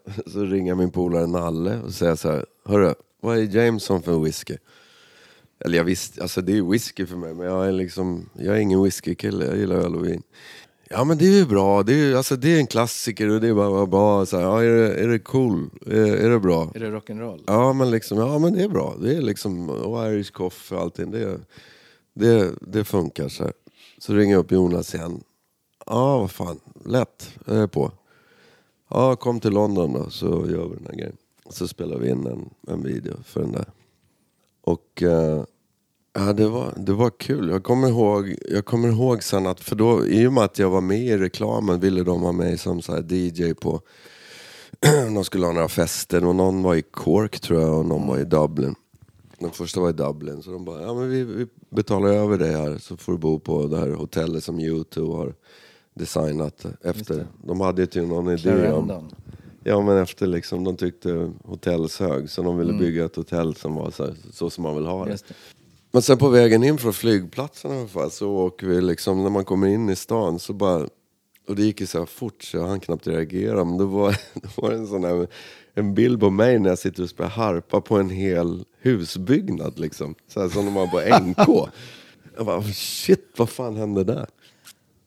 Samtidigt som den här snubben sitter, som kör sitter och lyssnar på radion och det är irländska och fort går och bla bla bla och så, och så bara vänder han sig till mig och bara Ja, har, har du hört på radion? Och Jag bara, eh, nej, nej, nej, typ inte. Vad, vad händer? Då är det precis utanför det här hotellet. De har slängt såna jävla brandbomber och grejer. Och någon bil står och brinner. Och, ja, gamla vanliga Irland. Irlands härvan liksom. Men han bara, nej det är lugnt. Jag, jag känner till här hoodsen liksom. Så jag, jag kör runt det så kan du gå in bakvägen. så jag bara, ja, kul. Dublin, here I come. Ja, det är ju ashårt att ha gjort eh, reklam för Jamison då, som jag säger. Det, det, är- Ja, det var kul. Men sen apropå gamla hjältar, sen när jag kom ut, jag tänkte någon dag så här, jag måste gå ut och kolla här och gå runt. Tänkte faktiskt man skulle kolla in den här Felinot-statyn till exempel. Just det. Och då direkt bakom hotellet, och så kom man ut där, då står det ju så här Rory Gallagher Corner. På, Som är också en gammal verkligen. gitarrhjälte verkligen. Ja, Så vi fick, vi fick dricka några bärs där ihop till slut. trevligt. Och sen är det eh, 20th Century Boy på harpa. Med Mark Bolan låter det som. ja, det är den. Ja. Som någon har spelat in förinspelat och så sitter jag ju och fejkar till Ja. liksom så här. Och jag fick, och nu överdriver jag inte, jag fick runt 200 mails efter den här grejen.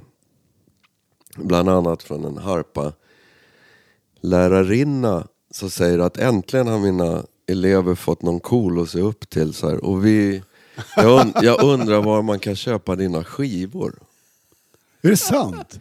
Det är sant. Och jag tänker så här, okej, hur bra är hon på att spela harpa om hon inte ser att jag fejkar? Eller så är jag extremt bra på att fejka. Eller hur? Men det var verkligen, eh, ja det är superfejkat. Det finns ju de som gjort sämre reklam. Al- Alltså, jag tänker spontant en sån som Doggy Doggelito, Elgiganten och Cykel på köpet. Det känns nästan att det, han är mer känd för det än för Latin Kings idag. Alltså det är, Han har gjort jävligt mycket reklam va? Han ja, men, men just e- den med cykel på Elgiganten känns ju som det var fan. Den, Jag skit. var faktiskt, det här är roligt, för att jag har inte gjort massa reklam, men jag har faktiskt gjort en, varit med om en annan grej också. Som också var en Jonas, som Jonas var inblandad i. Eh, vad fan hette det? Det var ett klädmärke. Som jag tyckte var coolt. Och då, då var Dogge med den också, i den också. Och vi körde den här gamla Take a little bit, take a... Da, da, da, da, Vad fan heter Och när jag kommer, vi, vi var ju på, det var ju samma dag, så här inspelning och grejer. Och så kommer jag in i så här fikarummet, så står Dogge där. Han, han bara, Tja mannen, fan du ser ut som en rockstjärna, vi måste göra en video ihop. jag bara, fan jag är rockstjärna för fan, kom igen. underbart. Det sägs ju att uh, Felinot gjorde reklam för, eller Felinot gjorde reklam för Guinness Ja. med, under parollen Tall Black and Irish. Men jag vet inte om det är en myt eller om det, för jag har inte hittat Ja, det går inte några att bevis hitta man googlar. Eh, det- men jag, jag, jag, jag, kan pitch. ha inbillat mig att jag sett en bild av det, men, men det... Eller han, säger, han ska säga någonting i stil med I'm also tall, black and Irish och så dricker han en Guinness liksom. Den är klockren i sådana fall. Men sen, Det hade ju varit klockan då. Idag känns det ju kanske lite så här, ja, lite off. Men eh, det är ja, sant. Det är sant. att Men det skulle kunna ha hänt då. in the ju- 70s. liksom. Exakt, det Så, låter ju ja. logiskt. Verkligen. Sen har jag, jag har ju, eh, lyssnat istället för läst då, eh, Rob Halfords självbiografi, eh, sångaren Judas Priest. Eh, och han gjorde ju alltså tandkrämsreklam i en tv-spot. Tandkräm Ja. för Pepsodent. Innan han breakade med Judas Priest. Gula hinnan, det är sent. Borstas bort med Pepsodent. Var det så på... Ah! Björn Borg. Ja Var det jävlar! Björn Borg som sa den? För det här är på engelska så var han, vad han sa var You'll, you'll wonder where the yellow went when you brush with Pepsodent. Det är Alltså det är underbart. direkt översatt. Ja, och den vill man ju bara se med Rob Halford. Det är fantastiskt. Skojar. Och med Björn Borg. Och med Björn Borg. Ja. Den var liksom innan alla filmer då. Ja, När man gick på bio så var det den. precis. Men Och sen var det Vicks blå också. Ja. Ja, kanske aningen starka. Nej vad fan var det? Starka. Starka. Jag tycker de är friska goda. ja. Eller goda. Ja, de blandade ihop Någonting sånt. Ja. Ja, en annan skriker ju ganska mycket. Då är det uppfriskande med Vicks blå. Det var Jerry Williams. Just ja, just sen hade det. du den här... uh, Alltså jag har haft fina sedan jag var 14 och ingenting har hjälpt.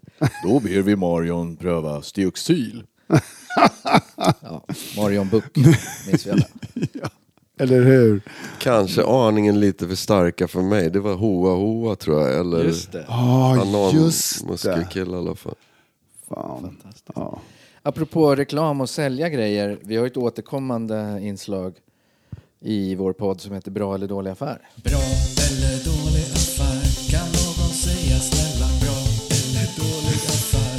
Eller var det en fälla? Bra eller dålig affär? Vem vann på den dealen? Vem tappade stilen? Du, du, du. Det är Eller jättebra. Skitsamma. Har du gjort någon bra eller dålig affär Conny?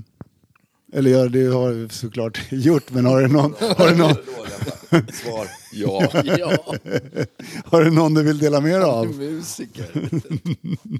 Exakt, han är musiker. Den sista dåliga affären som jag gjorde i alla fall. Eh, Förhoppningsvis man sista. har, säkert, ja, men man har säkert gjort fler, såklart. Men eh, den, den absolut sista var att jag gick på det här reklamgrejen på som dök upp med massa så här coola boots och grejer. Det var inte Wish, det var något annat. Men billiga boots. Olika typ så här Chelsea boots och några snake skin och allt. Jag bara jag tänkte innan, det här, det här kan omöjligt bli bra för att det är för billigt. Men jag bara tänkte, fuck it, jag kör. Jag testar. Mycket riktigt. Jag får några jävla plastskor tillbaka som inte alls ser ut som, som bilderna och allting. Liksom. Och så jag googlade på det där efteråt och de sa, det är, och det är så här fake det är så här, du vet, kalanka mailadresser och det. Det går inte att komma åt dem heller. Det är liksom, det är bara kört. Ja. Så ja, jag har två par skor hemma. Om någon vill köpa några skor som är extremt fula så kan ni höra av er. Ni kan få lägga bud på dem. Signera dem och lägga ut dem på Ebay. Exakt. Vi träffade Snibb igår. Pontus Snibb. Ja, Han bad mig...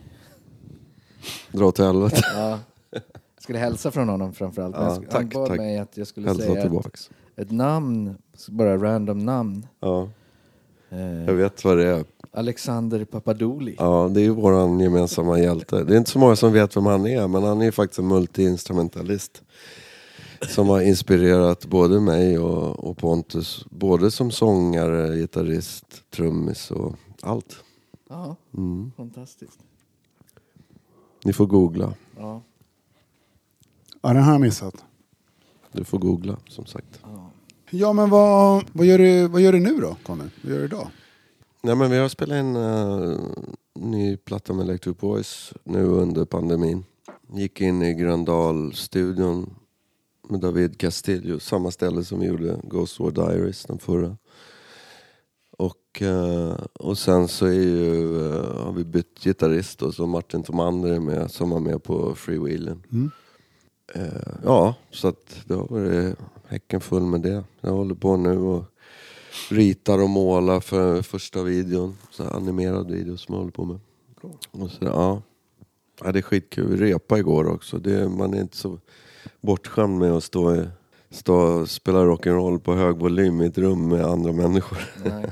Och sen släppte du din eh, andra svenska soloplatta förra året.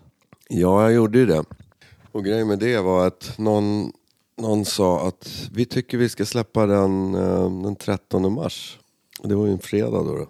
Och i min familj så har det varit, alltid varit ett lyckonummer då, för min mormors bror skulle operera in en pacemaker och, och de, var, de var väldigt eh, ärliga och berättade för honom att det här kan gå jävligt bra och det kan gå jävligt dåligt. Men går det bra då har du många år till liksom. Så han sa, ja men kör. Okej, vi har en dag. Det är fredagen den 13. Så ja, kör då. Och han levde massa år till. Så vi, vi brukar säga det, det är ett lyckotal i vår familj. Så när de sa 13 mars och så såg jag att det var en fredag och så tänkte jag, ja men det, det är perfekt, vi kör. Då brakar hela jävla pandemin lös. Så vi sitter på San Franciscaner bara för att dricka ett par bärs och fira att vi faktiskt är klara med en skiva. Och då säger väl, ja då säger Mats Rydström att vi har precis snackat om det här, Daniel Josefsson och jag och Hilda, eh, bla bla bla. Och vi ska göra någonting som Bring It, vad fan heter Bring det? It? Home. Bring It Home, exakt. Kan vi göra det på söndag? Och jag säger bara ja utan ens hinna tänka. Så det var ju, jag blev ju liksom först ut med det där och det, allt filmades bara med mobiltelefoner. Ja men det ska vara som att man får vara med i replokalen.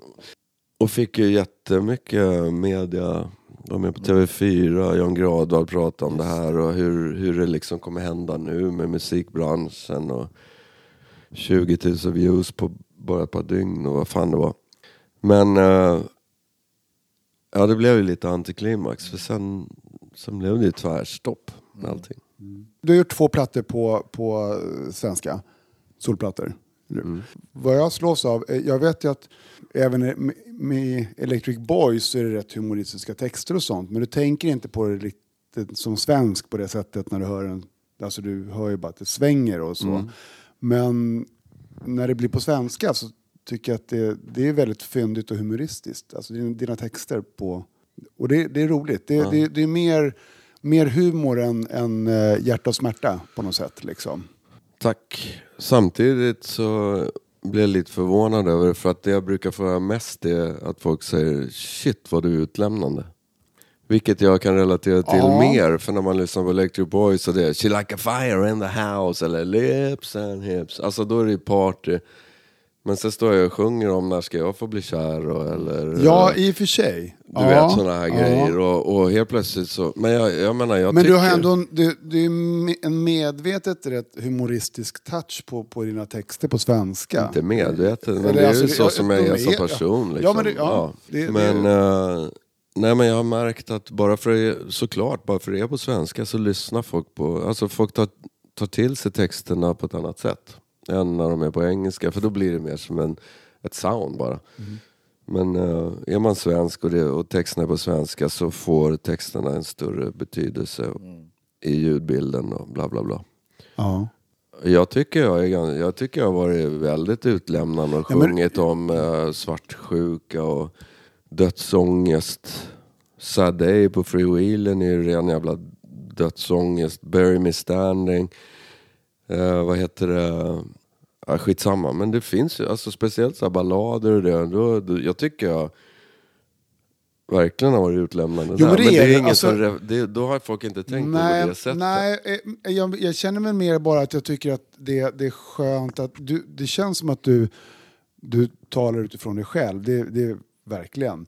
Eh, och du är mycket mer utlämnande på det sättet, om vi säger Magnus Uggla, som bara kändes som lite mer glad poppig fasad så. Så att det är klart att du utlämnar på det sättet. Men, men jag tycker ändå att du, jag känner mer humor än smärta i, i dina svenska texter.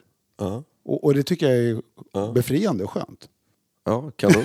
ja, jag menar, alltså, folk brukar säga precis tvärtom. Men det är skönt. Alltså, det, det är det här jag tycker om också med texter. Att, att man läser in i det vad man själv vill liksom, på något vis. Och Mick Jagger sa det någon gång också, så här, han hade lärt sig det från någon svart blues-snubbe, att man ska, inte, man ska inte vara för tydlig med texterna. För då tar det bort mystiken. Och jag vet som med gamla Aerosmith-plattor, och man hörde grejer och så tyckte man så här, fan vad det här är snuskigt och farligt och man, man hörde grejer som man liksom ville höra. Och sen när man fick läsa reda på vad det var så var det inte alls så. Alltså så här, Ja. så jag fattar tänket. Att du ska inte, du ska, men man ska, man, man ska inte alltid skriva på näsan på folk. Nej. Men eh, ja, nej, mina sologrejer på svenska, det, är liksom, det beror på vad man har lyssnat på för låtar tror jag. Mm. Allt, det är det är hela en hel palett liksom av glädje, sorg och eh, ja, allt vad fan det nu är liksom. Och man kan vara s- sned på grejer eller eh, ja. Men lite roligt när du säger att du läser in också, om vi går tillbaka till, vi pratade om Rob Halfords självbiografi. Han, han berättar att han har lagt in minst en låt på varenda Priest-platta sen Sad Wings of Destiny med gay-referenser. Och, Alltså. i, och ingen har upptäckt det, eller de har bara vägrat upptäcka att så här, Det roligaste är ju hela looken liksom. Ja, men eller att, hur? Att han missat den är fantastiskt. Den är ju så underbar, för det kommer jag ihåg i Kerrang. Han, han, kom ut, han kom inte ut förrän 90 tror jag. Något sånt. Men då, då Kerrang, tidningen då, eh, la upp en bild på Rob Halford från 78, så här, Killing Machine. Och, så här, och då står det bildtexten bara... Rob Halford is gay. Nej, nej Eller det står så här, Rob Halford 1978 and no one had a clue. Okej, ja, så jävla bra. så här, det var så obvious liksom. Jag tycker men det är sjukt coolt att han eh, lyckades liksom gå vidare från den här, som jag kan tänka mig då, konservativa publiken må- i många, många fall. Sådär. Och ändå de bara hakar på. Och, och att det funkade liksom. Det, är, ju- det är ett framsteg alltså, verkligen. Ja. Han har ju för övrigt världens roligaste Instagramkonto. Ja, jag fäller inte just honom. Eh, han- han lägger bara upp bilder på sig själv med sin look, sina tatueringar och sånt där. Och sen har han alltid någon sån här katt-t-shirt. Han är Ja. en kattperson. Så det är liksom... Eh, Alltså god- djuret katt, ja, så att säga. Ja. precis. Metal God med, med gulliga katttröjor liksom, hela tiden. Han, han bjuder på sig själv så otroligt. Ja, verkligen. Har vi något mer? Du har Electric Boys på gång. Ja, det är konstiga Det- tider liksom, hur, vad som händer nu. Det är ingen som riktigt vet. Alla har ju gig bokade och det, och det skjuts fram vartefter liksom och, och så vidare. Men bra blir det, det vet man ju. Bara, nu är vi igång och det vaccineras och grejer så att, så att saker och ting kommer ju återgå till, till, till eh, vad, vad vi vill att ska göra så man kan komma ut och gigga igen. Ja. Och jag tror ju, jag tror ju på, som, som det brukar vara i historien, det kommer ju bli bananas. Förmodligen.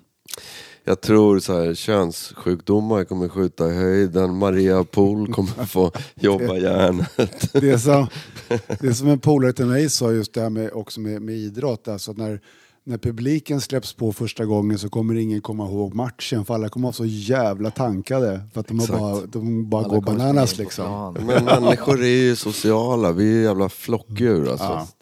Det är jag och några få andra som inte är flockdjur, men de flesta är flockdjur.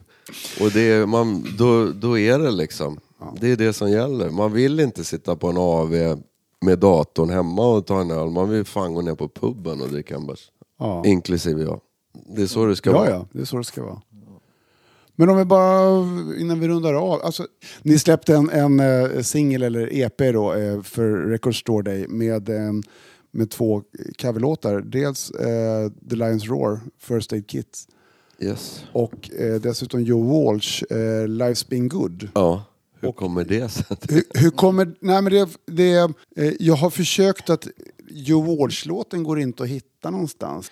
För första gången, jag är ju världens sämsta på såna här grejer, men jag tänkte okej, eller skivbolaget sa, du måste gå in på eran Spotify, vad heter det, jävla Spotify Artist och, och liksom lägga till grejer. Så jag la faktiskt upp en sån här spellista med låtar som har, ex, eh, som har inspirerat Electric Jag vet, jag har Boys hittat den. Ja, okej, vad vad kul. Men Ja.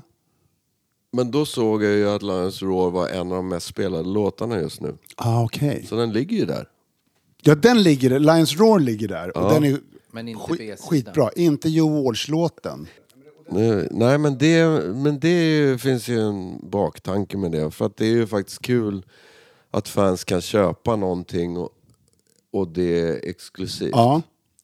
Ja, men det köper jag. Eh, och, och den är ju, alltså B, just den där B-si- B-sidan då, har ju Life's en story good, ja. också. Ja precis, Life's been good. Den, vi, spelade, vi spelade in den i Abbey Road, så var det. Vi spelade in den i Abbey Road. Okej. Eh, satte oss i en ring och Niklas sitter och liksom trummar på knäna. Och vi bestämmer oss för, så här, sista, sista minuten grej, att alla ska sjunga en vers var. Och så var det ganska kul också, för när, när man läser texten så var det så uppenbart att vissa verser passade, passade verkligen oss som personligheter. Så Franco sitter och sjunger om en Maserati, han är halvitalienare och så vidare. Och, så det passade väldigt, väldigt bra. Och Niklas sjunger i sista versen som inte kan sjunga en ton om någon som sätter en pistol mot huvudet på han. Fast han är världens bästa trummis. Men han sjunger ju i alla fall där. Så vi spelade in den här och så sa vi liksom, vi har alltid tänkt så här, det här är en sån här kul extra grej någon gång. Den här måste vi släppa någon gång till, till superfans liksom. Så därf- det var väl därför som vi släppte den. Och det har verkligen gjort. Det finns 300x. 300x och den, den finns säkert på nätet ändå. Men, men eh, tanken var i alla fall att den skulle vara lite exklusiv. Det är ju verkligen inte det bästa vi har gjort. Utan det är ju någonting som är jävligt kul att få höra om man är, om man är ett jättefan. Hur det låter när vi bara går in i fucking jävla Abbey Road efter att ha druckit x Ja, är X antal Ja, pints vill på puben och spela är- en gammal cover med Niklas på sång för första gången. Men man ska inte, man ska inte skicka ut den och be att få den recenserad av någon. men det- Men det, men det är en kul, det är, det är lite så här tidsdokument. Mitt, mitt bästa minne av, av eh, eh, Joe Walsh är annars eh, In the City eh, från filmen The Warriors som sätter igång när eftertexterna kommer. En gammal klassiker. Jag lyssnar för lite på honom känner jag. Jag måste lyssna in mig på det. Han var ju med i Ringo Stars All Star Band på, på Grönan. Joe Walsh, Dave Edmunds. Men när du, nämnde, du nämnde spellistan du har lagt upp eh, med musik som har inspirerat Electric Boys. Så reagerade jag på en sak. Eh, för där har du du har ju liksom sånt jag förväntar mig lite. Alltså Mother's Finest, Led Zeppelin, The Stooges, Mountain, Janis Joplin. Och så ligger Tom Sawyer med Rush med. Det är verkligen the odd one out. Det är en underbar låt men den känns som att den är... Jag tror det, det finns nog flera där som är lite så här odd. Eh, men det här är ju någon, jag ska säga det också, det här är inte något som jag har liksom så skickat till de andra och be om att få någon Nej, nej, sorts så men, godkännande. Utan jag har bara valt Nej, men massa låtar. på, på, på, d- Ja, men jag har valt massa låtar profil. ute Ja. sånt som jag vet att vi lyssnade på, diggade eh, och snackade om och liksom så här att det fanns, det finns någonting i allt det där och, och faktiskt Rush är ju ett av alla band som vi har suttit i turnébussen och bara liksom så här, fy fan man satt på det och så har man bara suttit och rådigga. Ja. Och Niklas som är liksom som är liksom sedd som så här John Bonham. Alltså det är, det, det är den typen av trummor som han är. Men han älskar ju Neil Peart. Och det gör vi andra också. Därför att det är sån jävla attityd i allt det han spelar. Det är, det är det, jag tror det är det som är skillnaden. Många som är sån här...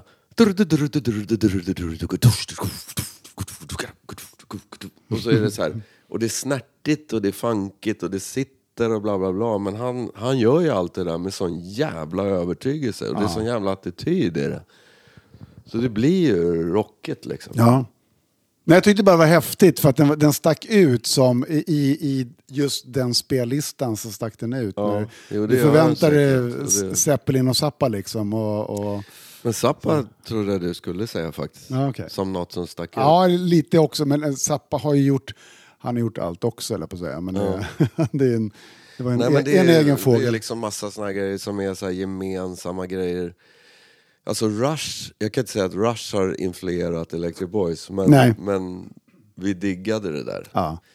Och Zappa, jag kan inte säga egentligen att Zappa har inspirerat oss heller. Alltså så som vi låter. Men sen finns det ju massa andra grejer. Undisputed Truth, Mother's Finest och massa Ja. grejer som där man liksom kan känna så här, ja, jag fattar att, att ni har inspirerats av det.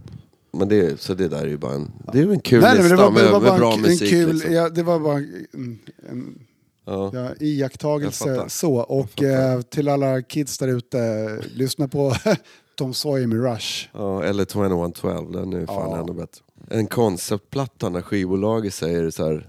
Ja, det är också en lärdom till alla kids kan jag säga. När, när ett skivbolag helt plötsligt säger så här. Nej, tyvärr.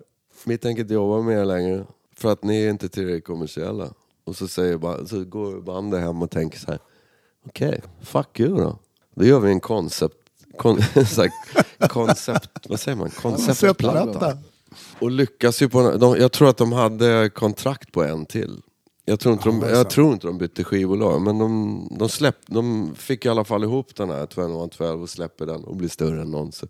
Alltså den dokumentären om Rush, det är en av de bästa, bästa rockdokumentärer jag sett. Och det spelar ingen roll om man, om man gillar dem eller inte, utan man bara, bara den här sammanhållningen och hela allt det de går igenom och, och att de har alla gamla klipp när de sitter och snackar när de är tonåringar med massa finnar i ansiktet till liksom slutscenen när de sitter och dricker vin och är sliriga liksom, och bara sitter och garvar och är så här sköna. Ja, den är fantastisk. Världens, en av världens bästa rockdokumentärer. Alltså. Den är extremt i- inspirerande. Alltså, Ja. det, är så det, det är så där det är att vara i ett band. Det är det som är det bästa med böcker och filmer eh, när du inte behöver gilla musiken. Det är underhållande i sig. Vem, vem garvar inte lite med skräckblandad förtjusning till att läsa The Dirt, Motley Crue, liksom sånt. Så här, du behöver inte vara Motley Crue-fan. Du kanske, framförallt så kanske sluta vara det efter att ha läst boken. Men, eh, nej, men just det att det, du vill ju liksom du vill känna personerna och, någonstans och du vill, eh, som du säger, jag, jag, Känna igen sig. du Och... vill känna igen det och, och det, det behöver inte vara... Det, är ju, det handlar om människor liksom. Exakt, det handlar om intressanta personligheter som har en story att berätta. Exakt. Keith Richards bok är fantastisk. Och vad heter det? Nu håller jag på att läsa Billy Connolly, den skotska Ja, komikern. ja. Som är helt, den är helt fantastisk, jag älskar honom. Man läser en sida och man garvar ihjäl sig innan man går till nästa. Så det är så jävla kul alltså. Miles Davis liksom. Jag läste den både på svenska och engelska, men på svenska är det inte lika kul. Man vill ju höra den på engelska. För att hans snack var ju så jävla skitigt. Det är ju motherfucker hela tiden. Alltså han är, det är, han, han är en badass på riktigt. Och för att kny- knyta upp säcken med min första elgitarr med Francis Rossi och Status Quo. De, var ju, de blev ju ett riktigt koksband. Och när de gjorde den här plattan som heter Blue for you, som inte, jag tror inte den blev någon större hit då, men jag tyckte den var asbra när den kom. Jag tyckte den var skitbra. Och sen så, hans bok, så, så berättar han ju det också, att han kallar ju den för deras kokainplatta liksom. Och Då var ju han och Rick Barfett riktigt, riktigt torsk liksom. Och han, och han sa det, man hör ju det när man lyssnar på plattan, därför alla låtar går lite för fort, det är lite för många partier, det är lite för mycket markeringar. Bara... Och det är bara, och det är bara hetsa på hela tiden. Så här. En line till, bara, och så kör vi. Ja, Men sen står han i alla fall i duschen en dag och duschar och så, och så är det någonting som så här, fudd, ner på, som ramlar ner på marken. Han bara, vad fan var det där? Han fattar inte vad det var. Och fortsätter lite grann, duschar lite. Någon, och så tycker han det känns konstigt i näsan. Sen bara rasar ut någon till, något mer som han känner liksom i näsan. Så, vad fan är det? Då, är det, då har han alltså koxat, det här är hans, det står i hans biografi i boken. Då rasar alltså mellan väggen, mellan, då har han koksat sönder den så, så den ramlar ut Äh, fy fan. Och han är alltså så jävla fucked up så, så han registrerar, han försöker sätta tillbaks den och inser att det går inte. Så går han ur duschen. Och som han själv säger så här, och, och vad gör man i det läget? Jo, man går in och drar en ny line. Såklart. På den, alltså, det är så, lite kul och intressant när man tänker så här, Status Quo, jävla dansband. Det var inget dansband om man säger så. De var Nej, men de tuffare var än de flesta vad det gäller liksom.